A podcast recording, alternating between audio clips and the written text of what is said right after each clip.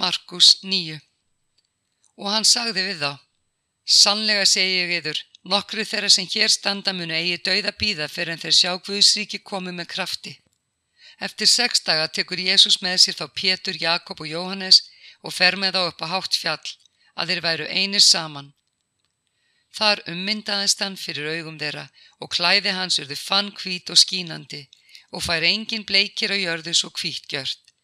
Og þeim byrtist Elíja á samt Móse og voru þeir að tala við Jésús. Þá tekur Pétur til máls og segir við Jésú, Rabbi, gott er að við erum hér, gjörum þrjár tjaldbúðir, þér eina, Móse eina og Elíja eina. Hann missi ekki hvað hann átt að segja en auðruð þeir mjög skeldir. Þá kom skí og skigði yfir þá og rött kom úr skíinu. Þessi er minn elskaði svonur, hlýðið á hann. Og snöglega þegar þeir litu í kring sáu þeir engan framar hjá sér nema Jésús einan. Á leiðinu á fjalli bannaðan þeim að segja nokkrum frá því sem þeir hafðu séð fyrir mannsonurinn væri risinu frá döðum. Þeir festu orðin í minni og rættu um hvað væri að rísu frá döðum og þeir spurðan, hví segja fræðimennir að Elíja eigi að koma fyrst? Hann svaraði þeim, víst kemur Elíja fyrst og færir allt í lag, en hvernig er ritað um mannsónin? Á hann ekki margt að líða og smáður verða, en ég segi yður, Elíja er komin og þeir gjörðu honum allt sem þeir vildu eins og ritaði er um hann. Þegar þeir komið til lærisvinnana sáu þeir mannfjölda mikinn kringum þá og fræðimenn að þrátta við þá en um leið og fólki sá hann, sló þegar felmtri á alla og þeir hlupu til og heilsuð honum. Hann spurði þá, um hvað er þér að þrátta við þá? En einn og mannfjöldanu svaraði honum, meistari ég færði til þín svon minn sem málesi andi er í. Hvar sem andin grýpur hann slengir hann honum flötum og hann fróðufellir, gnýstir tönnum og styrnar upp. Ég baði lærisvinna þín að reka nút en þeir gáttu það ekki. Jésús svarar þeim, Ó, þú vantrúa kynsluð, hversu lengi á ég vera hjá yður, hversu lengi á ég umbera yður. Færiðan til mín. Þeir færiðan þá til Jésu en um leið og andin sá hann, tegðan drengin ákaflega, hann fjell til jarðar veltistum og fróðufeldi. Jésu spurði þá föður hans, hver lengi hefur hann liðið svona?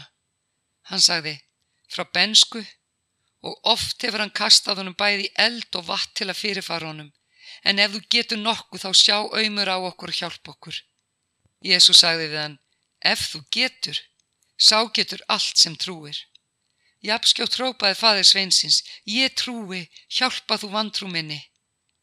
Nú sér Jésús að mannfjöldi þyrpist að, þá hastar hann á óhrina andan og segir, þú daufi, dumbi andi, ég byði ég far út af honum og kom aldrei framar í hann.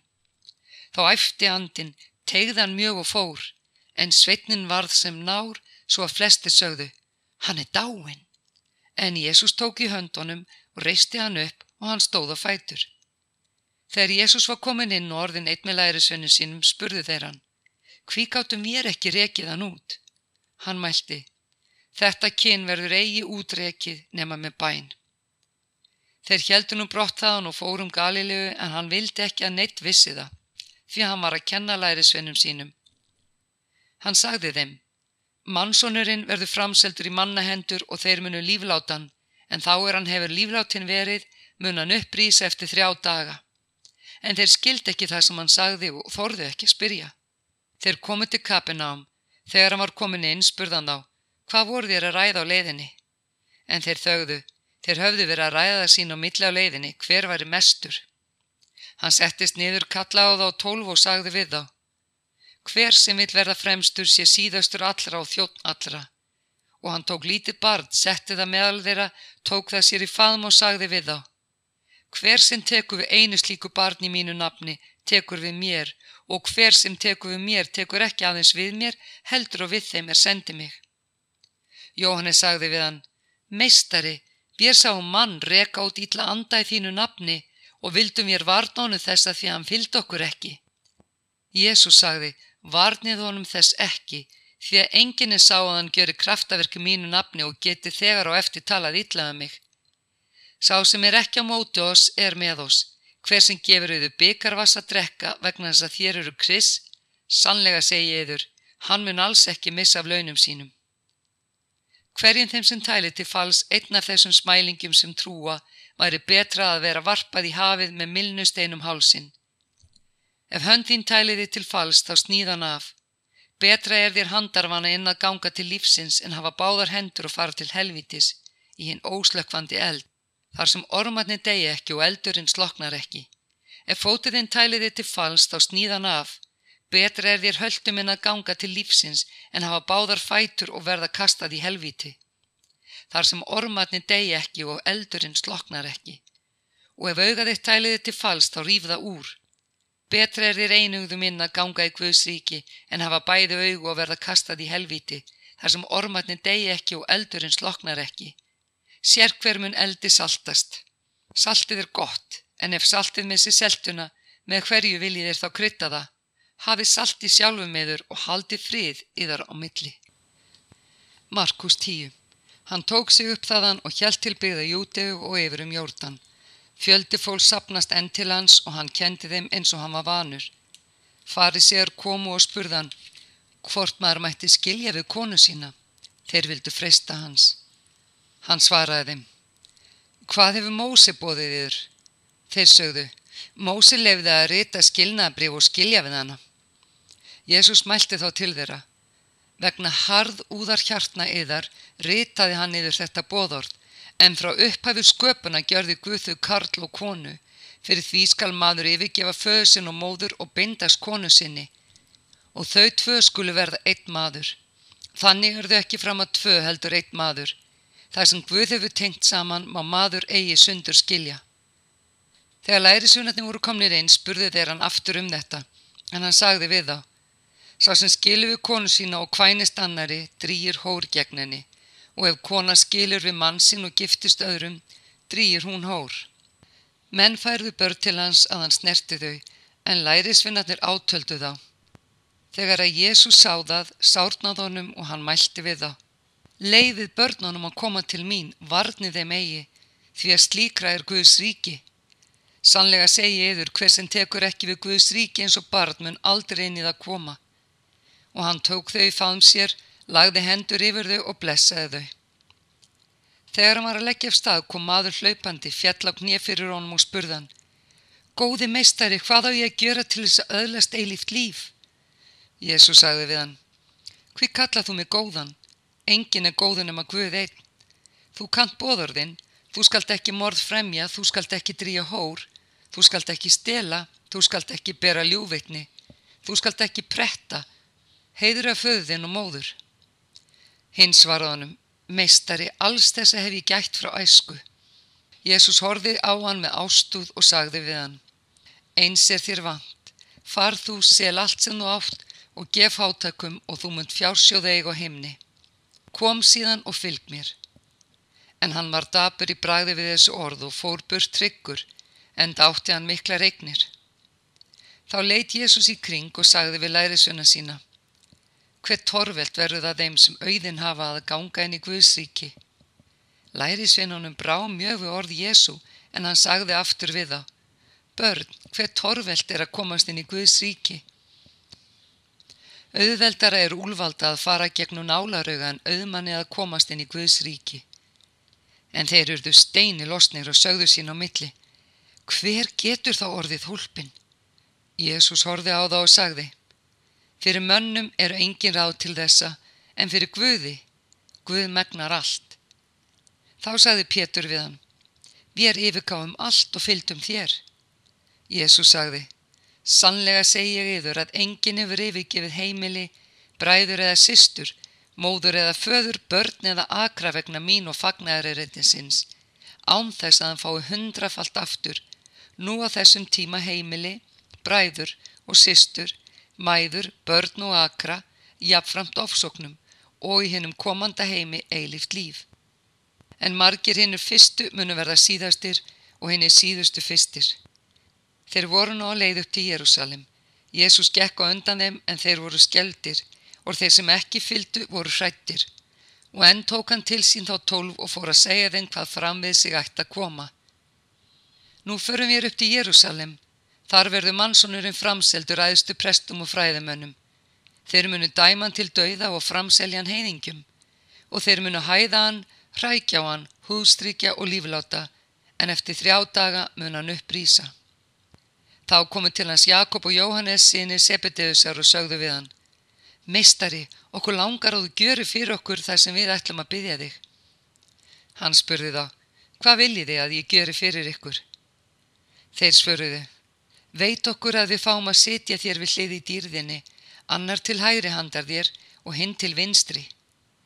Jésu sagði við þá, þið vitið ekki hvers þið byggjið, getið þið drukkið hann kaleg sem ég drekk eða skýrst þeirri skýrð sem ég skýrist. Þeir sögðu við hann, það getum við. Jésús mælti, þann kaleg sem ég drekk munu þið drekka og þið munu skýrast þeirri skýrð sem ég skýrist en mitt er ekki að veita hver situr mér til hægri handar eða vinstri. Það veitist þeim sem það er fyrirbúið. Þegar henni tíu heyrði þetta gramdist þeim við Jakob og Jóhannes, en Jésús kallaði þá til sín og mælti. Þér viti að þeir sem teljast ráða yfir þjóðum, drotna yfir þeim og höfðingjar þeirra, láta menn kenna á valdi sínu. En eigi sé svo meðaliðar, heldur sé sá sem mikill vill verða meðaliðar, þjóttniðar, og sá er vill fremstur vera meðaliðar, sé allra þræll, því að mannsónurinn er ekki komin til þess að láta þjóna sér, heldur til að þjóna og gefa lífsitt til lausningjalds fyrir marga.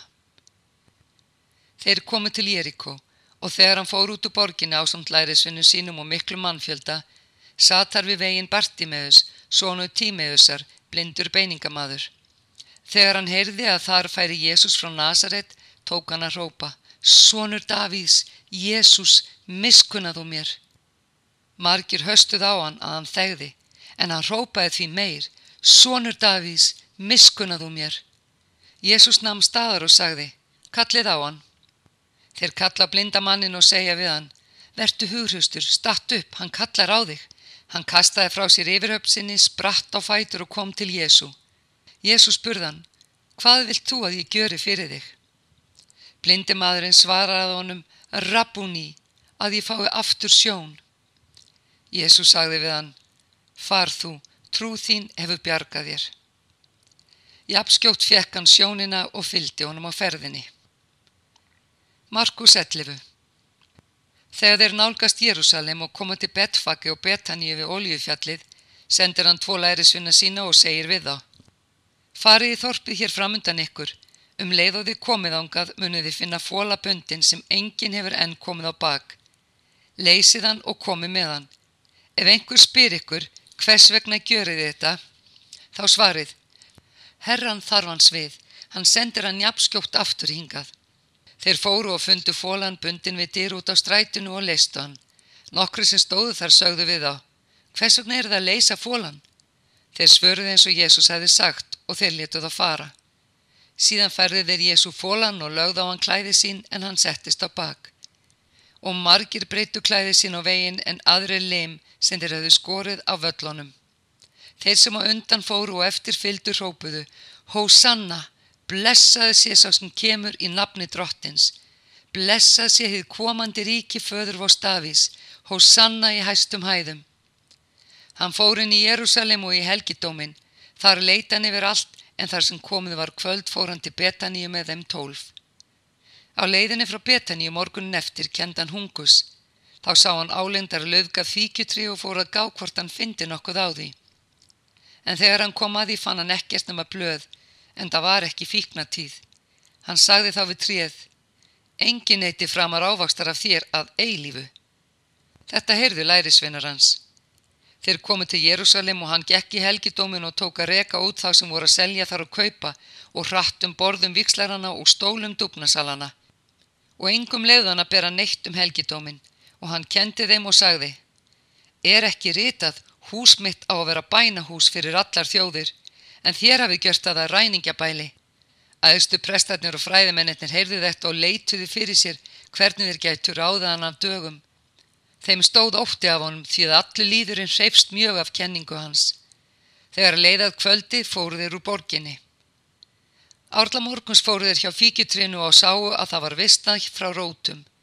Pétur minnist þess sem gerst hafði og segi við hann Rabbi, sjáðu, fíkjutresið þú formæltir er vissnað. Jésús svaraði þeim Trúið á Guð, sannlega segi ég yður, Hver sem segir við fjalletta lift þér upp og steip þér í hafið og efar ekki hjarta sínu heldur trúir að svo farið sem að mælir, honum mun verða af því. Fyrir því segi ég eður, hver sem þið byggiði bæniðar þá trúið að þér hafið aðlastað og eður mun það veitast. Og þegar þér eru að byggja þá fyrirgefið ef þið þykir nokkuðu við einhvern til þess að fadir yðar á himnum fyrirgefið einnig yður miskjörðir yðar.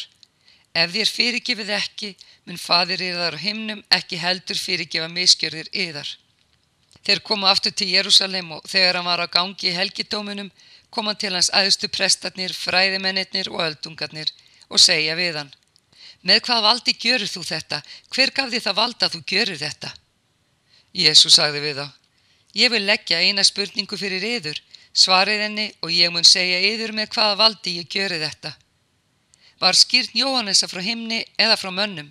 Svarið mér. Þeir ráðguðs hver við annan með þetta og sögðu. Ef ég svörum frá himni, spyr hann. Hví trúið þér hún þá ekki? Eða ættu mér að svara frá mönnum? Það þorðu þeir ekki fyrir líðnum því allir töldu að Jóhannes hefði verið sannu spámaður. Þeir svöruði Jésu. Við vitum það ekki. Jésu sagði við þá. Ég segiður þó ekki heldur með hvaða valdi ég gjöru þetta. Markus 12 Og hann tók að tala til þeirra í dæmisögum. Maður plantaði vingarð. Hann hlóð gardumann, gróf fyrir vínþraung og reisti törn, seldi hann síðan vínirkjum og leigu og fóru landi. Á settum tíma sendi hann þjón til vínirkjana að fá hjá þeim hlut af ávexti vingarsins. En þeir tóku hann og börðu og sendu burt tómhendan. Aftur sendi hann til þeirra annan þjón. Hann lömdu þeir í höfuðið og svívirtu. En sendi hann annan og hann drápu þeir og marga fleiri ímest börðu þeir eða drápu. Einn átti hann eftir enn, elskað hann svon. Hann sendi hann síðastan til þeirra og sagði, þeir munu virða svon minn. En vínirkjar þessi sögðu sín á milli. Þetta er erfingin, förum og drepum hann, þá fáum við arfin. Og þeir tók hann og drápu og köstuð hann út fyrir vingarðin. Hvað mun nú eigandi vingarsins gjöra? Hann mun koma, tortíma vínirkjunum og fá öðrum vingarðin. Hafið eigi lesið þessa rítningu. Sá steitt sem smiðurnir höfnuðu er orðin hyrningasteinn. Þetta er verk drottins og undursamlegt er það í augum vorum. Þeir vildu taka hann höndum en óttuðust fólkið. Þeir skildu að hann áttu við þá með dæmisögunni og þeir yfirgáðu hann og gengu burt. Þá sendu þeir til hans nokkra farið sig og herútið þessa sinna og skildu þeir veiðan í orðum. Þeir komu og segja við hann. Meistari, við vitum að þú ert sannorður og hyrðir ekki um álit neins en það gjöru þú þér engan mannamun, heldur kenni Guðs vegi sannleika. Leifist að gjalda keisarannu skatti eða ekki? Eigum við að gjalda eða ekki gjalda? En hann sá hræstnið þeirra og sagði við þá. Hví fristi þér mín? Fáðu mig denar, láti mig sjá. Þeir fengi honum pening. Hann spyr, hvers mynd og yfirskrift er þetta? Þeir svöruðu, keisarans. En Jésu sagði við þá, gjaldið keisarannu það sem keisarans er og Guði það sem Guðs er og þá furðaði stórlega á honum. Sattukauðar komu til hans en þeir neyta því að upprisa sér til og sögðu við hann. Meistari, Mósi segir á sér reitningunum að degi maður bastlaus en láti eftir sér konu, skulu bróður hans gangað eiga ekkjun og vekja honum niðja. Nú voru sjö bræður, sá fyrsti tók sér konu en dó ballaus, annar bróðurinn gekk að eigan og dó ballaus, einsinn þriðji og allir sjö erði ballausir, síðast allir að dó konan. Í upprisunni þegar menn rýsu upp, kona hvers þeirra verður hún þá? Allir sjöhafð áttana. Jésu svaraði þeim, er það ekki þetta sem veldur því að þér villist, þér þekkið ekki rétningarnan í mátt Guðs. Þegar menn rýsu upp frá döðum, hvænast þér kvorkin ég giftast. Þeir eru sem englar á himnum. En um þá döðu að þeir rýsa upp, hafið þér ekki lesið það í bók Mósei í sögunum þyrnirunnin. Guð segir við Móses, Ég er Guð Abrahams, Guð Ísaks og Guð Jakobs. Ekki er hann Guð döðru heldur lifenda, þér villist stórlega. Þá kom til hans fræðumadurinn, hann hafði hlýtt orðaskiptið þér og fann að Jésús hafði svarað þeim vel. Hann spurði, hvert er æðst allra bóðorða? Jésús svaraði, æðst er þetta.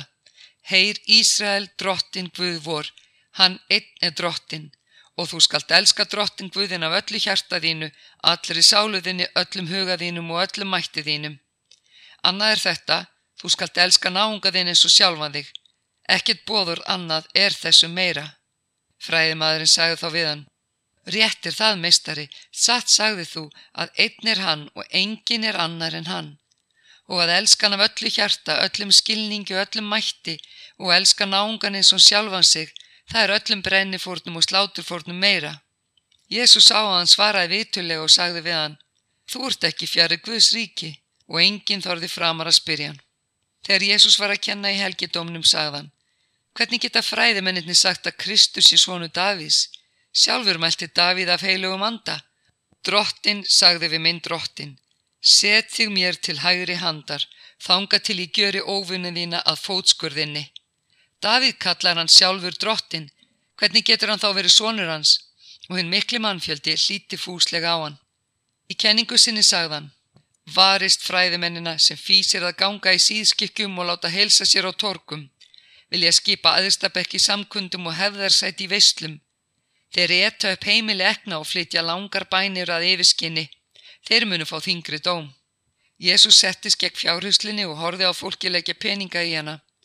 Margir auðmenn lögðu þar mikið, þá kom ekki að einn fátak og létt þar tvo smápeninga eins eiri svirði og hann kallaði til sín lærisvinna sína og sagði við þá Sannlega segi ég yður þessi fátaka ekja gaf meir en allir hinnir en lögði í fjárhysluna. Allir gáði þeir af allsnektum sínum en hún gaf af skorti sínum allt sem hún átti, alla björg sína.